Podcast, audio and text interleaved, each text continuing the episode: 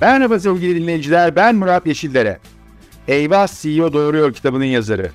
Toplumsal cinsiyet eşitliği aktivisti ve kadrolu podcastimiz. Çalışan kadınların doğurmasını gayet normal karşılayan podcast serimde başarılarıyla ilan veren kadınları konuk olarak ağırlıyorum. Şimdi sıkı durun. Türkiye'nin ilk %100 cinsiyet eşitliği garantili podcastinin bu haftaki konuğu Esin Şenol. Akbank'ın katkılarıyla sizinle buluşan Eyvah CEO Doğruyor da bu hafta konuğumuz Profesör Doktor Esin Şenol. Esin Hanım hoş geldiniz. Hoş bulduk, merhaba. Ee, sizi bugün bizimle burada görmek çok çok büyük bir mutluluk. Tekrar zamanınız için, e, ilginiz için çok çok teşekkür ediyorum. Ee, sizi tabii son dönemde bu iki, iki buçuk yıldır e, yaşadığımız Covid nedeniyle çok sık görme, e, gözlemleme, okuma, izleme e, şansını bulduk. Zaman zaman e, sizden enerji aldık, ilham aldık. Zaman zaman uyarılarınızla kendimize çeki düzen verdik. E, bugünkü podcast'te e, hazırlanırken ben birazcık sizin e, yazdığınız, çizdikleriniz e, ve bu anlamda e, sizin kendi web sitenizden de e, irdeleme şansını, e, öğrenme şansını buldum. E, açıkçası en beni etkileyen ilk hani kitabın giriş cümlesi web sitenize girince tam karşıda şöyle yazıyor. Madem ki biliyorsun neden öğretmiyorsun? Bayıldım bu cümleye.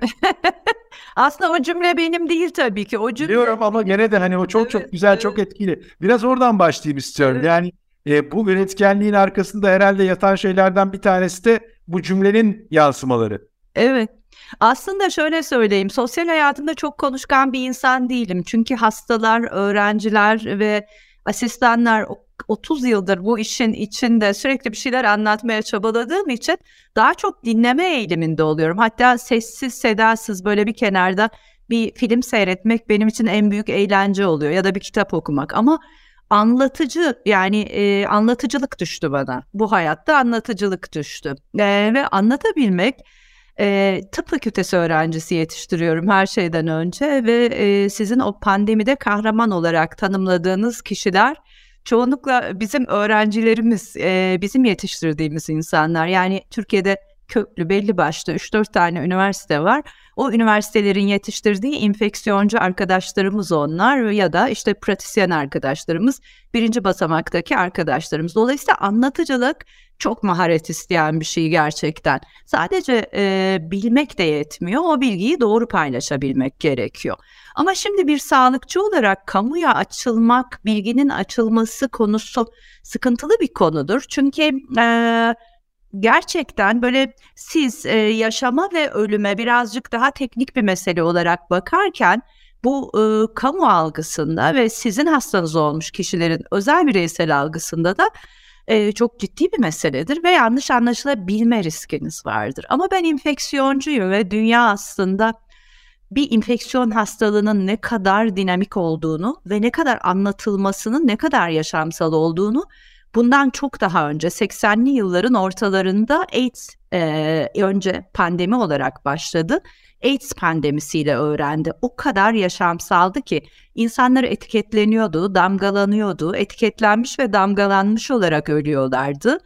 E, ve aslında bu iş böyle değildi ve kırılgan gruplar yani Afrika vesaire bilgiye muhtaçtı ve infeksiyoncular açısından bu çok önemli bir eşik noktasıydı. E, ben de yetiştiğim okul yani işte e, lise eğitimim TED Ankara Koleji orada çok çok boyutlu sosyal e, etkinlikler, tiyatro kulübü ilk e, tiyatro kulübünü kurmuştum TED Ankara Koleji'de hep sanata merakım yüzünden. O sıra yoğun tiyatro çalışmam, işte diksiyonum, sesim vesaire. Hekimlikte bu ne işe yarar ki diye düşünürken e, çok sayıda konferans, seminer, ders anlatma birdenbire pandemi çıktı karşıma aslında ve orada kamuyla doğru sözcüklerle bilgiyi köprülemenin çok önemli olduğu bir noktaydı, yaşamsal olduğu bir noktaydı. Daha önce kamuya açılmaktan imtina ederken, kamuyla iletişim kurmamayı tercih ederken, çünkü yanlış anlaşılabilir, sağlık birazcık daha e, vakur olmalı, e, birazcık daha akademisyen e, vakur olmalı. E, bir de biliyorsunuz piyasa çok fena bir vaziyetteydi. Özellikle ekranlar, çay çorba kaynatan doktorlar, işte bitki öneren e, kişiler, yaşam iksiri bulduk diyenler falan. Yani ciddiyetiyle bağdaşmaz akademinin diye geri dururken birdenbire bir baktım ki işler çok kötü gidiyor pandemide. İnsanlar market torbaları yıkamakla insanların aklını karıştırıyorlar.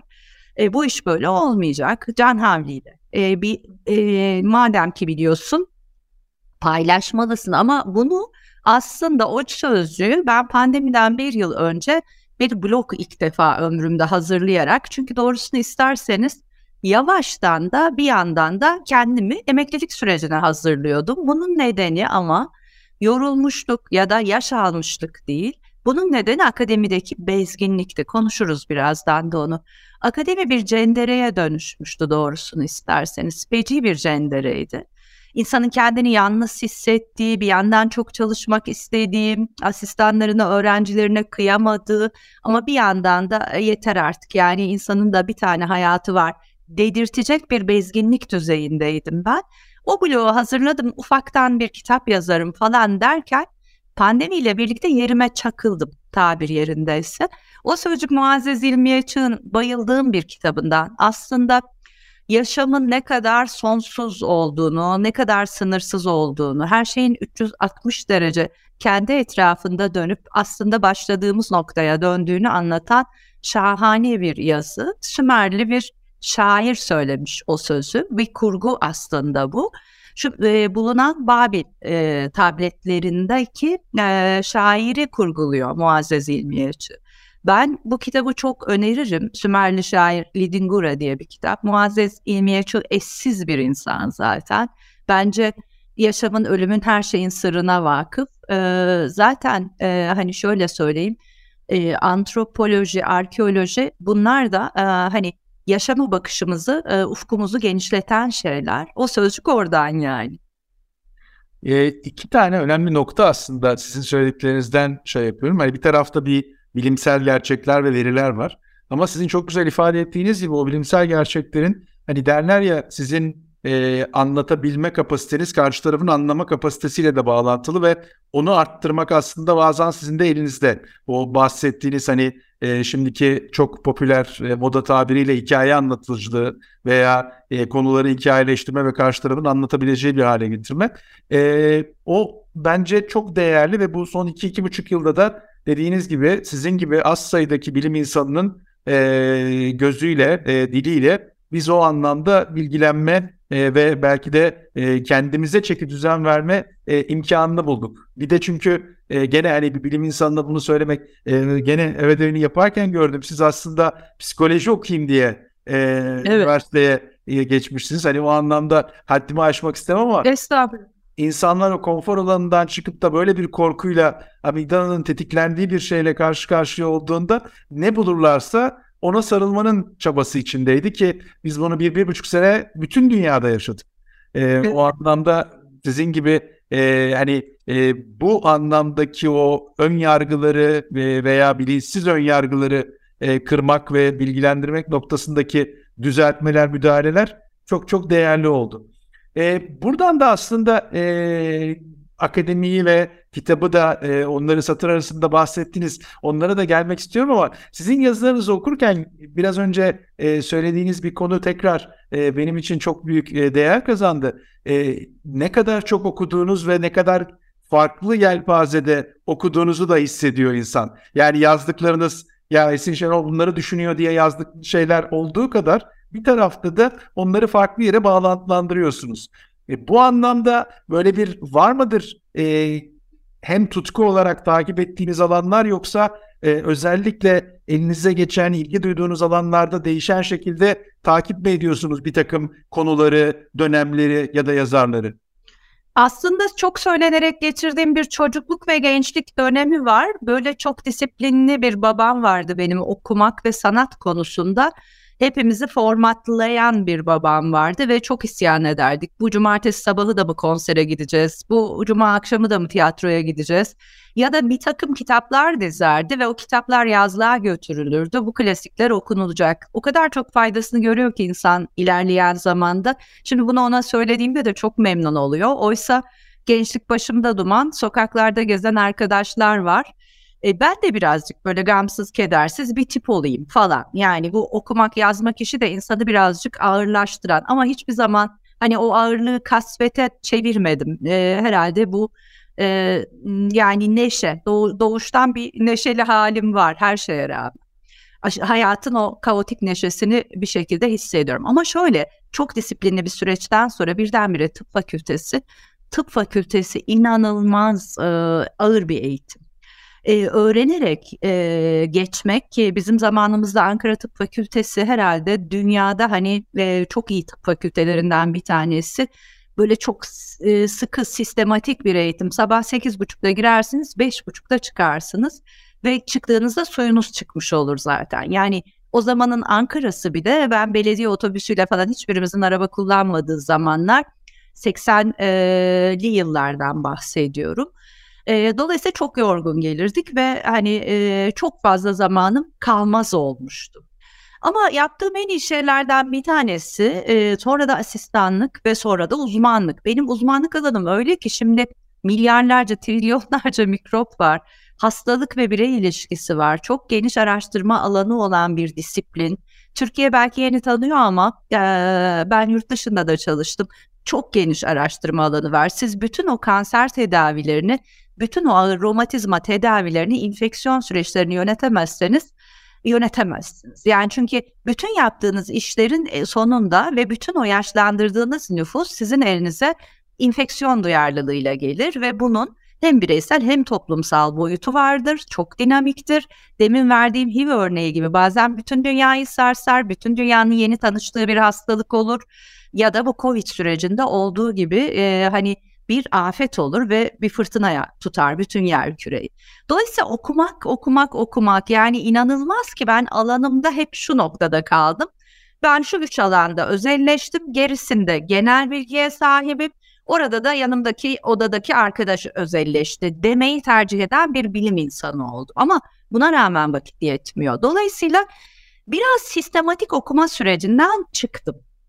Ee, ama e, o gençlikteki seçicilik oturmuş artık. Bir takım akraba yazarlar edinmiştim zaten o zaman. Rus edebiyatı bizde çok e, keyifli e, ve popülerdi. Hepimiz Rus edebiyatına. Sonra işte Marquez gibi birazcık daha Güney Amerika edebiyatıyla tanıştık. Sonra Türkiye'de işte Selim İleriler, Adalet Ağoğlu, Mehmet Eroğlu, işte Ahmet Altanlar'ın falan sürüklediği bir e, güzel edebi dönem. Buket Uzuner, e, Latife Tekin ve onların e, şöyle diyelim e, onların yatay olarak okuduğu ve bulduğu kitaplara da e, dönüp bakarken e, şimdi birazcık daha İngiliz edebiyatı tarafındayım. Çok iyi İngiliz yazarlar ve İskoç yazarlar keşfediyorum yeni olanlarda. Ya bir seçicilik var. Bu müzik e, iyi müzik dinleyicisi olmak gibi bir şey olmuş.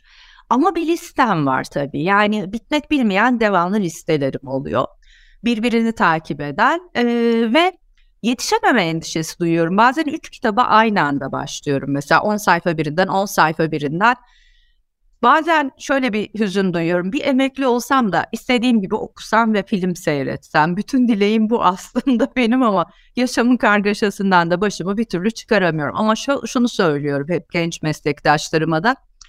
Hekimlik sadece hekimlik olarak yapıldığı zaman e, çok can sıkıcı, çok tatsız ve çok keyifsiz bir şey olur. Bütün o işte e, 360 derece bakış açısı, tarih, uygarlıklar vesairenin ortasına bir insan hikayesi. Ama şimdi baktığım zaman e, psikiyatri seçseydim, e, psikiyatri seçmek için girmiştim ve sayısız psikiyatri kitabı okumuştuk. Jung benim böyle şey kutsal kitap gibi kitapları vardır başucumda hala çizip durduğum. Ee, eğer psikiyatrist olsa idim e, kendi hikayemde çok boğulur muydum diye düşünüyorum. Yani e, sanki bu mikropların hikayesi, yer kürenin felsefesi falan beni daha yatıştırıyor ve daha sakinleştiriyor ve felsefi e, bakışımı daha çok besliyor gibi duruyor. Yani bu benim düşüncem tabii ki. Ee, orada aslında e, sizin bıraktığınız yere geri dönerek hani e, üniversite yıllarında bu e, yapılandırılmış disiplinli okuma alışkanlığını e, bir dönem kaybeder gibi oldum dediniz. E, ama orada tabii şunu da söylemek lazım ki sizin e, oldukça uzun, derin Türkiye içinde ve dışında bir eğitim süreciniz de olmuş. Yani evet. dolayısıyla sadece tıp fakültesini bitirip uzmanlarınızı kazanmakla kalmıyor. e, Türkiye dışına taşıyor. Sonra tekrar buraya da geliyorsunuz. Oradan da birazcık akademiye gelmek istiyorum. Çünkü e, akademide hani biraz evvel size o e, mutsuzluğu veya tatminsizliği yaratan bir takım şeyler e, var. Bir boyutu da e, sizinle özellikle konuşmak istediğim e, gene bizim bu programımızın veya podcastimizin çerçevesinde e, toplumsal cinsiyet eşitliği boyutu. Çünkü orada da akademisyen sayılarına bakıldığında aslında e, Türkiye'de bir denge olduğunu görüyorsunuz. Ama merdivende yukarıya doğru gitmeye başladıkça işte doçent, profesör, e, dekan, rektör noktasına doğru gitmeye başladıkça e, o camdan duvarlar, tavanlar e, yol alanını ciddi olarak kısıtlıyor. Böyle bir şeylerle karşılaştığınız dönemler, bunu hissettiğiniz anlar veya bu anlamda zorlandığınız şeyler oldu mu ki bu tatminsizliğin bir parçası da bununla bağlantılı mı? Şimdi önce şunu söyleyeyim. Lise dönemi benim çok özel bir dönem. Belki de bir fanus içinde büyümüşüz. Çünkü Ankara Koleji'nin o zamanki döneminde hocaların çoğu yani yüzde otuz kırk kadarı yabancı e, kökenli zaten. Tamamen evrensel bilim ve e, eğitim ölçütleri kullanılıyor ve e, kadın erkek eşitsizliği diye bir kavramımız yok. Bu bakımdan çok şanslı bir evde büyüdüğümü de söyleyebilirim. Aslında Türkiye hikayesi birazcık da bu. Kendisi siyasal bilgiler ve üstüne hukuk fakültesi okumuş ve e, sanata ve edebiyata çok meraklı olan babam ve babamın üç kızı var. E, bizi e, biraz da fazla eril bir dille yetiştirdi aslında ve evde hep şu tembih edilirdi. Ev işi yapmayacaklar. Yani o kadar o, o kadar bu taraftaydı ki ve e, özgürlüklerimiz konusunda da gerçekten e, son derece demokrattı ve e, zihinsel gelişimin bize en çok güç verecek şey olduğu konusunda da hep pekiştirdi bu eğitimi. Ben tabii ki tıp fakültesini bitirmiş olmak, hekim olmak e, bu ülkede, bu ülkede özellikle insana bir güç veriyor. Ama sadece bu ülkede değil, ben Amerika'da da bunu gördüm. Bir yabancı olarak gittim Amerika'ya. Ev tutabilmek için Amerikalı bir kefile ihtiyaç duymadım. Çünkü doktor kartımı gördükleri zaman ve hastane bağlantımı gördükleri zaman bütün kapılar açıldı. Yani doktor aslında evrimsel olarak da bu böyle insanın sağ kalımı bütün bu uygarlık hikayesinde o kadar olmazsa olmaz bir nokta ki insanın ömrünün kaliteli olması ve uzaması hekim aslında hep hiyerarşik olarak bunu söyleyince insanlar birazcık gönül koyuyor falan ama e, ben tarafsız bir gözle de bunu söylemeye çalışayım. Üste konumlandırılıyor toplumun gözünde. Yani ömründe bir kere bir öksürük nedeniyle bir hekime gitmiş bir kişinin bütün hayatı boyunca şu son zamanlardaki şiddetin tepeden öğretilmiş şiddetin dışında bütün hayatı boyunca bir hekime duyacağı minnet hiçbir meslekle karşılaştırılamaz onu söyleyeyim. Dolayısıyla bu bir avantajdı tabii ki bu bir güç veriyordu. Öyle bir güç veriyor ki yani sanayi arabanızı yaptırmaya gidiyorsunuz. Abla diye başlayıp hocam diye bitiriyor falan. Ama akademi, akademi çok Türkiye'de maalesef 80'den sonra akademi. Üzgünüm buna pek çok pek çok başka iktidarda dahil çok e, malforme ve çok eril bir dille ve liyakati ölçütlemeden gelişti, e, gelişemedi onu söyleyeyim. Şimdi ben sadece tıp fakültesi değil Gazi Üniversitesi'nde bir dönem bir e, rektör danışmanlığı yaparak e, Gazi Üniversitesi'ne stratejik planlama ofisini, Avrupa Üniversiteler Birliği'ni, Bologna sürecini bir tıp fakültesi mensubu olarak diğer akademinin diğer branşlarıyla kurmuş, yapılandırmış bir kişi Ve o dönemde aslına bakarsanız görece, görece tırnak içinde daha sosyal demokrat bir yönetim vardı ve daha sosyal demokrat bir YÖK başkanı vardı. Fakat onlar dahi e, müthiş yani bilimin o araştırıcı, sor, sorgulayan, e, daha e, ne diyelim e, daha kadın dili aslında bilim kadın dilidir. Yani araştırır, sorgular e, ve cevaplar bulmaya çalışır. Çok daha eril didaktik bir dil vardı e, bir kere onu söyleyeyim. Zihin, zihinsel atmosfer buydu. Ben o dönem Türkiye'ye e, bu yaşam boyu öğrenim diye bir programı getirmek için çok büyük bir çaba sarf ettim. Benim gibi düşünen ve politik görüşü benim gibi olan insanlardan söz ediyorum. Bu şu demekti aslında Murat Bey. Bilmiyorum bu uzatıp kayboluyor muyum bunun içinde ama. Hayır çok keyifle ilgiyle dinliyorum.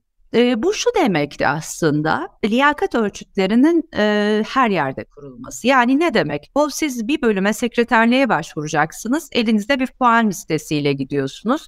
Gittiğiniz bir dikiş nakış kursu puan mesela. E, aldığınız bir daktilo kursu bir puan. Bu İngiltere'nin çok uyguladığı e, bir sistemdi. E, ben Üniversiteler Birliği'ni kurarken e, İngiltere'deki bu çalışma atölyelerinde e, çok çalıştığımız bir konuydu. Ve orada kişileri de davet ettim ve o zamanki YÖK Başkanı'ndan da bunu Türkiye'ye uyarlayalım. Çünkü meslek liseleri var. Meslek liseleri öyle ki onların önü kesilmemeli ama e, başka meslek lisesi problemleri vardı hatırlarsanız İmam Hatip liseleri artırılmaya çalışılıyordu. Ama Türkiye 80'den sonra hep kutuplaşmalar üzerinde gitti ve kutuplaşmaların en büyüğü de kadın erkek cinsiyet eşitsizliğidir aslında. Her, hepsini yutan budur aslında. Ee, belki buna ırk, etnik grup falan diye bunları da katabiliriz. Yani kutuplaşmaların bir kademeleri var. En tepede siyasi görüşün falan üstünde bu cinsiyet var maalesef. Ee, başka e, bu kutuplaşma nedeniyle bunu bir türlü kabul etmek istemediler. Hatta benim yapmaya çalıştığım o program kesintiye uğratıldı ve davetle gelen o e, İngiltere'den kalkıp gelen o grup maalesef 3-5 kişi dinledi ve dağıldık ve ben de arkasından bütün görevlerimden ayrılarak tekrar tıp fakültesindeki yerime döndüm.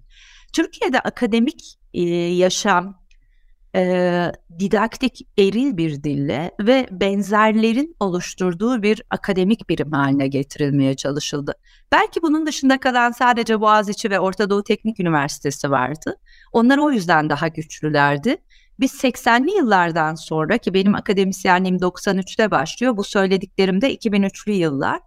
Belki de e, biz çok daha erken e, darbe almaya başladık ama kimse birbirinin sesini duymadığı ya da hani Gazi Üniversitesi olacaktı diye e, belki de olup biteni oraya layık gördüğü için e, bu zincirleme sonunda Boğaziçi ve e, Orta Doğu Teknik Üniversitesi gibi dokunulmazlığı liyakata dayalı dokunulmazlığı olacağını düşündüğümüz yerlere de sirayet etti. Akademinin içinde hiçbir zaman bir e, kadının yükseltilmesi erkeklerle işbirliği yapmazsa mümkün değildir. Onu söyleyeyim öncelikle. E, size bir e, görev teklif etseler bile o görev içinde onlarla uzlaşı kültürünü sürdürmeniz lazım. E, ve e, o zamanın e, ge, genel geçer dili her ne ise e, mesela çok açıkça söylüyorum herkesin e, elbette benim yetiştiğim ortam benim bir politik görüşümün zaten olması e, gerekliliği demektir. Politik görüşü olmayan insan e, bence kültürsüz ve entelektüel olmayan bir insandır. Ama siyasetin eril dili, aynı akademinin eril dili gibi e, akademide hep hakimdi. Hangi siyasi görüşten erkek akademisyenler yönetimde ise o dili konuşmanız gerekirdi. Mesela ben e, Gazi Üniversitesi'nin birazcık daha sağ muhafazakar bir yapıdan olduğunu düşünün. Ben çok önemli bir şey kurmaya çalışıyorum. Stratejik planlamalar, işte Avrupa Üniversiteler Birliği işbirlikleri ki çok sayıda fon alındı, proje alındı bunları kurduğumuz için. O sırada dinleyen kişilerden e, rektöre şey şikayeti gidiyor. Ama hoca yani öyle e, şey giyiniyor birazcık. Yani fazla modern giyiniyor birazcık. Ama hoca öğrenci gibi dolaşıyor birazcık. Eleştirileri geliyordu. Bunları aldırmamak lazım. Aldırmayacak kadar güçlü olmak lazım ama herkes tabii ki e, ne diyelim bu kadar güçlü olamıyor. E, bir de kadın kadının e, yurdu değil kurdu akademide onu söyleyeyim. Aykırı e, bir dil olduğunuzu düşünüyorlarsa o düzene, egemen düzene siz ne kadar liyakatli olursanız olun kadın yani hem cinslerinizde size çelme takmaya çalışıyor. Dolayısıyla benim bu akademiyle ilgili e, süreçte e, tabii ki e, liyakata dayalı ölçüler ama Amerika'da da birazcık böyle bir erkek e, egemen dil vardır akademide. Liyakata dayalı ölçütler kurulmadığı sürece hiç kimsenin içinde mutlu olamayacağı bir sistem liyakat için kadın çok çalışıyor. Çünkü kadın e, adeta Türkiye'de meydan okuyarak geçiyor geçtiği noktaları. Büyük savaşlar vererek geçiyor. Herkes benim gibi şanslı bir evde, şanslı bir okuldan çıkmıyor. Dolayısıyla kadın aslında çok daha fazla asılıyor süreçlere. Ama orada çelme takan kendi hemcinsleri ve e, o eril dil maalesef yükselmesini engelliyor. Sizin de söylediğiniz gibi hani tıp fakültelerinde kız öğrenci daha fazla, doktorlar arasında, hekimler arasında daha fazla kadın cinsiyeti var ama baktığınız zaman dekanların işte yüzde sekizi, rektörlerin de elle sayılabilir kadarı. Baktığınız zaman bakanlara baktığınız zaman şu andaki bakan kadınları söylemiyorum çünkü kadınla ilgili en ufak bir e, ne diyelim bir e, tuğla bile koymayan kişiler onlar. Tamamen siyasetin eril dilini ve o eril dilin de kadına karşı güç kullanan alt kümesini kullanıyor şimdikiler ama şimdiye kadar gelip geçen bakanlara da baktığınız zaman benim aklıma mesela bir tek Türkan Akyol geliyor. Kadın bakan olarak böyle beni temsil etti falan diye gururla. Ee, belki de hekim olduğu için e, hemen aklıma o geliyor. Ne kadar e, az sayıda eşiği geçebildiğimizi görüyorsunuz zaten. E, aslında siz e, çok güzel detaylı ifade ettiniz ama gene bir yazınızda e, bununla ilgili bir cümlenizi e, ben de rastladım. Diyorsunuz ki cesur, akıllı ve dayanışmacı kadınların nadir olduğu bu coğrafyada Türkiye'den bahsederken. E, bu da ilginç hani bence e, güçlü bir e, tespit veya bir e, şey e, nasıl diyelim meydan okuma. E, bu anlamda da e, aslında güçlü ve akıllı olan kısmı e, benim açımdan biraz daha şey dayanışmaya açık olup olmadıkları kısmı ile ilgili olarak farklı şeyleri zaman zaman duyuyorum. E, bilmiyorum siz de benzer mi düşünüyorsunuz? Şimdi şöyle birkaç aşamada bu cesaret ve dayanışma gerekiyor. Önce en güçlü, en cesur, e, en dayanışmacı kadın bile eğer evliyse evine girdiği zaman farklı bir teslimiyete geçiyor mesela. Demin söylediğim o yetiştiğim iklim, ev ortamı, aile ortamı dediğim şey bu kez eş olarak tezahür ediyor. Çünkü benim de bir oğlum var ve hani ne mutlu ki bana benim benim e, çok fazla belki müdahalem olmadı ama tam benim istediğim gibi yetişmiş bir insan diyebilirim. Kadına bakışı, e, kendi hemcinslerine bakışı, kullandığı dil, dünya görüşü, entelektüel olma çabaları bunlar çok takdire şayan ve e, bireysel özel ilişkilerinde de çok e, demokrat olduğunu, çok e, eşitlikçi olduğunu görüyorum. Bu kolay olmuyor. Üçüncü kuşak benim oğlum. Sonuç olarak benim oğlum üçüncü kuşak. Bir kuşakta bunların hepsi halledilemeyebiliyor ve Türkiye bu anlamda çoğu e, hem cinsimin e, evliliklerini birinci kuşak henüz bu anlamda birinci kuşakla yaptığı bir ülke. Yani yüzyıllık bir geçmişimiz var diyelim e, kültürel olarak, sosyo-kültürel olarak. Atatürk'ten itibaren ele alalım süreci. Dolayısıyla ki öyle. Dolayısıyla e, orada bir teslimiyet var zaten ve orada kadın dayanışmasının kırıldığı bir nokta var. Bunun dışında e, sokakta müthiş bir kuşatma var. Yani e, sokakta her adımda hekime hekim kadına bakış gibi e, sokaktaki e, kuşatma dediğim şeyde kadına bakış yani kadın her anlamda gözle taciz, sözle taciz, e, sokaktaki işlerinde taciz her anlamda bir uzlaşıya gitmek zorunda kalıyor. Ve bu anlamda da e, bir elin parmağı kadar gerçekten en azından benim çevremde böyle hem işte kız kardeşlik hukukuna uygun davranan e, ne olursa olsun e, pozitif ayrımcılığa da inanıyorum bu arada bunu söyleyeyim ve bunu da yap, e, yapıyorum ben. E, beni çok kızdıran kadınlara bile kızma kontenjanımı birazcık daha kısıtlı tutmaya çalışıyorum. Çünkü biliyorum ne tür çaresizliklerin içinde olduklarını ve nasıl bir hikayenin içinden çıkmaya çalıştıklarını ve bunun da yüzyıllardır böyle olduğunu biliyorum. Dolayısıyla hem pozitif ayrımcılığa hem daha çok dayanışmaya ihtiyaç var. Ama kolay değil. Yani kolay değil. Oradan her şeye meydan okuyan, e, bunu uzlaşmaz, geçimsiz anlamında kullanmıyorum. Yanlış anlaşılmasın. E, her şeye e, onu kıskaca alan, kuşatan her şeye meydan okuyabilen ve aynı zamanda eylemeye devam eden. Yani evine çekilmeden, pes etmeden eylemek. Yani yapmaya devam eden, fiilen olmaya devam eden kadın sayısı gerçekten çok az. Evet bu anlamda aktivizmin e, dediğiniz gibi o sizin eylemeye devam etmenin çok büyük önemi var. E, onun altını çizmek e, istiyorum. E, birazdan e, salgının e, seyir defterini sizinle konuşmak istiyorum ama e, Akbank'ın katkılarıyla Eyvah CEO Doğruyor podcastini hazırlıyoruz.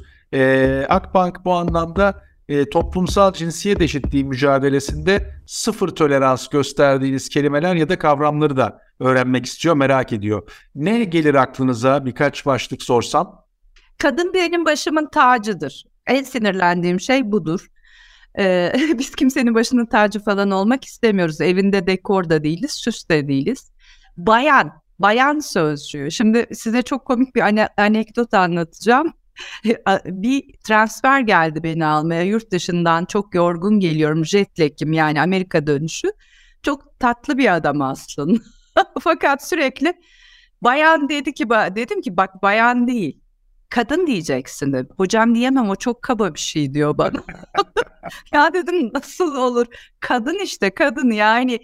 Ee, bir de bu e, hani e, beni çok irite eden, çok irite eden bir şeydir. Bu bir şey gibi kullanılır sanki. E, sanki hani yaşlı kadın olmaya üzüleceğimizi düşünür. Teyze, teyze yani e, teyze olmakta hiçbir sakınca yok da senin teyzen olmak istemem. Yani bunlar bir sinir uçlarımda dolu, dolaşan kelime. Evet ben birinin teyzesiyim. Nefis bir yeğenim var. Yani biyolojik bağım var. Ee, arkadaşlarımın çocuklarının da teyzesiyim falan ama yani sokaktaki bir tane böyle kütlesi irice ama beyni ufak adamın hani teyze demesi de sinirime e, gerçekten sinir uçlarımda dolaşır yani. Herhalde birazcık da bu toplumsal, kültürel e, ne diyelim travmalar küçük küçük. Belki de bu kadar takılmamak mı gerekir? Hatta o sohbet sırasında transferle yanımda eşim vardı. Esin ısrar etmesene artık dedi bana. Yani adam işte kadın diye niye ısrar ediyorsun? Hayır o öğrenecek diye tutturdum. Bayan demeyeceksin. O da sürekli diyor ki affedersiniz kadın. Niye affedeyim ya dedim. Affedecek bir şey hocam çok kaba ama diyor. Yani gerçekten kültürel vaziyetimiz biraz böyle. Güzel, çok güzel. Peki e, birkaç ay önce daha e, hani ne derler hala kokusu üzerinde e, Salgının Seyir Defteri e, kitabınız e, yayına çıktı. E, kitaptan birazcık bahsetmenizi isteyeceğim ama şu perspektifi önemsiyorum. Gene bir e, sohbetinizde e, rastladım. E, diyorsunuz ki Birleşmiş Milletler de aslında bunun bir insanlık e, konusu veya sorunu olduğunun e, altını çiziyor. Yani bu bir sadece sağlık krizi değil ve bu çerçevede de aslında salgın e, cinsiyet eşitsizliğinin daha da derinleşmesine maalesef yol açtı. O kadar hazin şeyler var ki kitaba geçmeden önce.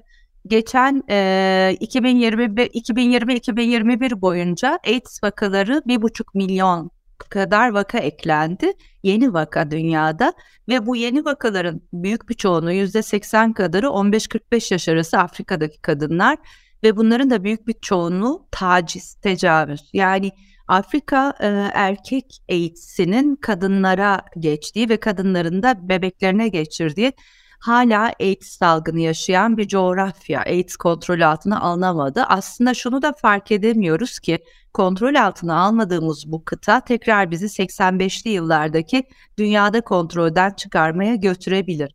Bu maalesef e, küresel bir salgının çıkmasından önce de küresel e, işbirliği yapamamanın ağır sonuçları yaşanıyordu aslında iklim krizi nedeniyle yaşanıyordu.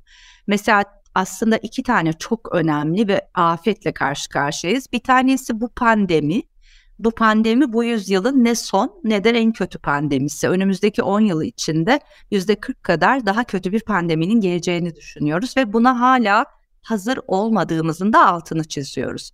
Biz zannediyoruz ki bu pandemi şu anda bize dersler verdi. Öyle bir şey olmadı ve bunun raporları da bize aslında 10 yıl içinde gelecek bir pandeminin de en aşağı bir 3-5 ay kadar dünyayı sarsacağını ve savuracağını gösteriyor. Şimdi e, bir başka gerçeklik Hindistan'da delta krizi çıktığında yani bize her yıl başında yeni bir varyant geldi hatırlarsanız. 2020-21'e dönerken delta, 21-22'ye dönerken omikron o delta'nın çıktığı ve hani ölülerin sokaklarda yakıldığı oksijen tüplerinin yetmediği dönemde Hindistan çünkü aşılanamamıştı da kendisi aşı üreticisi olmasına rağmen o dönemde merdiven altı küretajlar nedeniyle kız çocuklarının kendi kendilerine uygulamaya çalıştığı sağlık merkezlerine ulaşamaması nedeniyle de çok sayıda ölüm ve sakatlık var.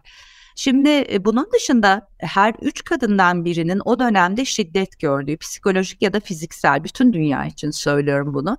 Türkiye'de de çok sayıda çocuk gelin ve çok sayıda okulunu bıraktırmak okulunu bırakmak zorunda kalan ve işte çıraklığa ve işe koyulan kız çocuk olduğunu biliyoruz. Türkiye kayıtlarını az tutuyor ama Birleşmiş Milletler'in kayıtları bu üç kadından biri meselesinin dehşetini açıkça ortaya koyuyor. Ee, tabii kırılgan grupları çarptı pandemi. O nedenle bu afet bir trajedi aslında ve trajedinin de dekorları var. O dekorlar da sizin coğrafyanız. Türkiye dekoru bambaşka bir takım şeyler çıkardı önümüze. Bir tanesi bunların bu safsatalar, hurafeler ve bu bilime ve kadına yöneltilen şiddet dili ve artık işi öldürmelere varan bir takım failler çıkarması. Bu aslında göz göre göre pandemiden önce de bu şiddet dili hekime vesaire yöneltiliyordu sokakta kadına, çocuğa, sokaktaki canlılara ama pandemiyle birlikte bir başka pandeminin, gölge pandeminin varlığı fark edildi. Şimdi ben bu kitabı mutlaka yazmak zorundaydım. Çünkü çok sistematik olarak zaten gazete köşe yazılarını hazırlarken bir 6-7 saatlik çalışmayla o dönemdeki dünyadaki kronolojik e, olayları ve o dönemde dünyada yaşanılmakta olan sosyolojik olayları bir anlamda cümlelere dökmüş oluyordum ve sayısız defterler tutuyordum ama buna kendi hikayemle birleştirme fikri e, çok cazip geldi. Çünkü ben doğrusunu isterseniz pandemide en çok zor zamanları atlatmış bireylerin hikayelerinden ilham aldım kendimi çok sıkışmış, çok zorlanıyor hissettiğim zamanlar oldu. Hem şiddet dili bana çok yöneltilmişti, hem politik bir basınç üzerime uygulanmaya çalışılıyordu. Tek istedikleri konuşmamamdı. Ee, dolayısıyla ben de konuşmak zorundaydım. Dolayısıyla çünkü gerçeklik yaşamsaldı. Ben de e, zor zamanlarda birey olmuş. Mesela tekrar dönüp işte vebayı okumak, felsefeye, kadim felsefeye dönüp ne bileyim e, nasıl e, Sokrates'in e, ölüm fermanına rağmen alttan almadığı, ölmenin yani ben hekim olarak da öyle bakıyorum aslında. E, ben aptalca ölmekten korkarım. E, ben çaresizce ölmekten korkarım ama ölüm yaşama dair bir şeydir, bir teknik meseledir en nihayetinde. Var olma sebebimiz ölümlü olmak aslında baktığınız zaman. Bu bakışı aktarabileceğim bir dekor var Türkiye'de. Mecburum bunu. Yani herkes bana soruyor çok mu cesursunuz? Çok korkağım onun için cesurum diyorum. Yani korkmanın ne olduğunu bilmeyen cesareti bilmez zaten. Korkmak insana tedbirli bir cesaret gerektirir, temkinli bir cesaret getirir ve o temkinli cesaretin katmanları vardır, e, zemini vardır ve bu kadim felsefedir, ölülerin bilgeliğidir, e, demin konuştuğumuz işte o cümledeki gibi Sümerli şair Lidingura'da olduğu gibi uygarlıkların aslında ne kadar aynı dairenin etrafında dönüp durduğunu bilmektir. Dolayısıyla mutlaka bu afete dair ve bu dekora dair bu notu bırakmam gerektiğini düşündüm. Belki e, benim bulduğum notların bana çok büyük faydası oldu. Bana çok ilham oldu. Hikayenin olduğu. Yani insan türü hikayesiz yaşayamaz çünkü. Aksi takdirde çıldırır, delirirsiniz aksi takdirde ölümlülük bilinciyle. Hikayenin ıı, bağlantılanması, bu güzel bağlaçların kullanılması yani işte sanattır, felsefedir, edebiyattır. Ben de bunun içinden sözlüklerimi paylaşmak istedim. Bence keyifli bir yazım süreciydi. Çok çok çalıştım yani onu söyleyeyim 6 ay kadar ve kitabın editörlerine minnettarım. Sayısız defa birlikte çalıştık onu söyleyeyim kelime ve virgülü atlamaksızın 6 ay onlar da benimle birlikte çalıştılar. Ee, çok paslaştık gitti geldi gitti geldi çünkü tekrarlara düşüyordum ister istemez. İnsan tekrarladığını fark etmeye biliyor bir şey öğretme çabasındayken. Bir yandan öğretmeye çalışıyorum bir yandan anlatmaya çalışıyorum o kitapta.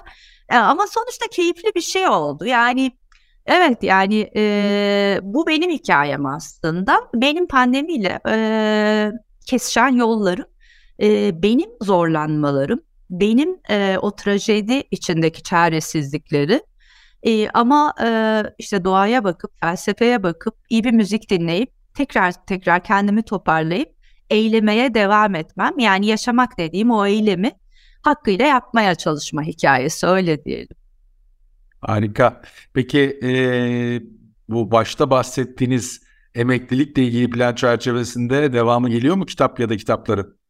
Şöyle, şimdi elimde bir proje daha var. Onunla uğraşmaya çalışıyorum. İlk defa hayatımda bu kadar zorlu bir akademik döneme girdim. Çünkü birikmiş tıp öğrencileriyle ilk defa yüz yüze eğitim yapıyoruz biliyorsunuz bu sezon. Onun hevesi var üzerimizde. Çok uğraşıyorum. O nedenle çok mesai harcıyorum o tarafa. Biraz istediğimden daha geç gidiyor ama bir başka kitap projesi böyle. Ee, bir kenara koyduğum böyle roman parçaları var. Onu mutlaka yazmak istiyorum. Çünkü bu da Türkiye'de benim hikayem olmayacak tabii. Benim hikayemi yazmaya cesaret de edemem. Kendime o kadar tarafsız da olamam. Ee, aslında benim hikayem de sıkıcı bir hikaye. Yani şöyle sıkıcı bir hikaye. Doğrusal çizgilerle gitmiş. Ee, işte önüne çıkan zorlukları da şanslı olduğumu da düşünüyorum. Hem e, çocukluk evim hem de daha sonraki e, eşim ve e, şartlarım nedeniyle.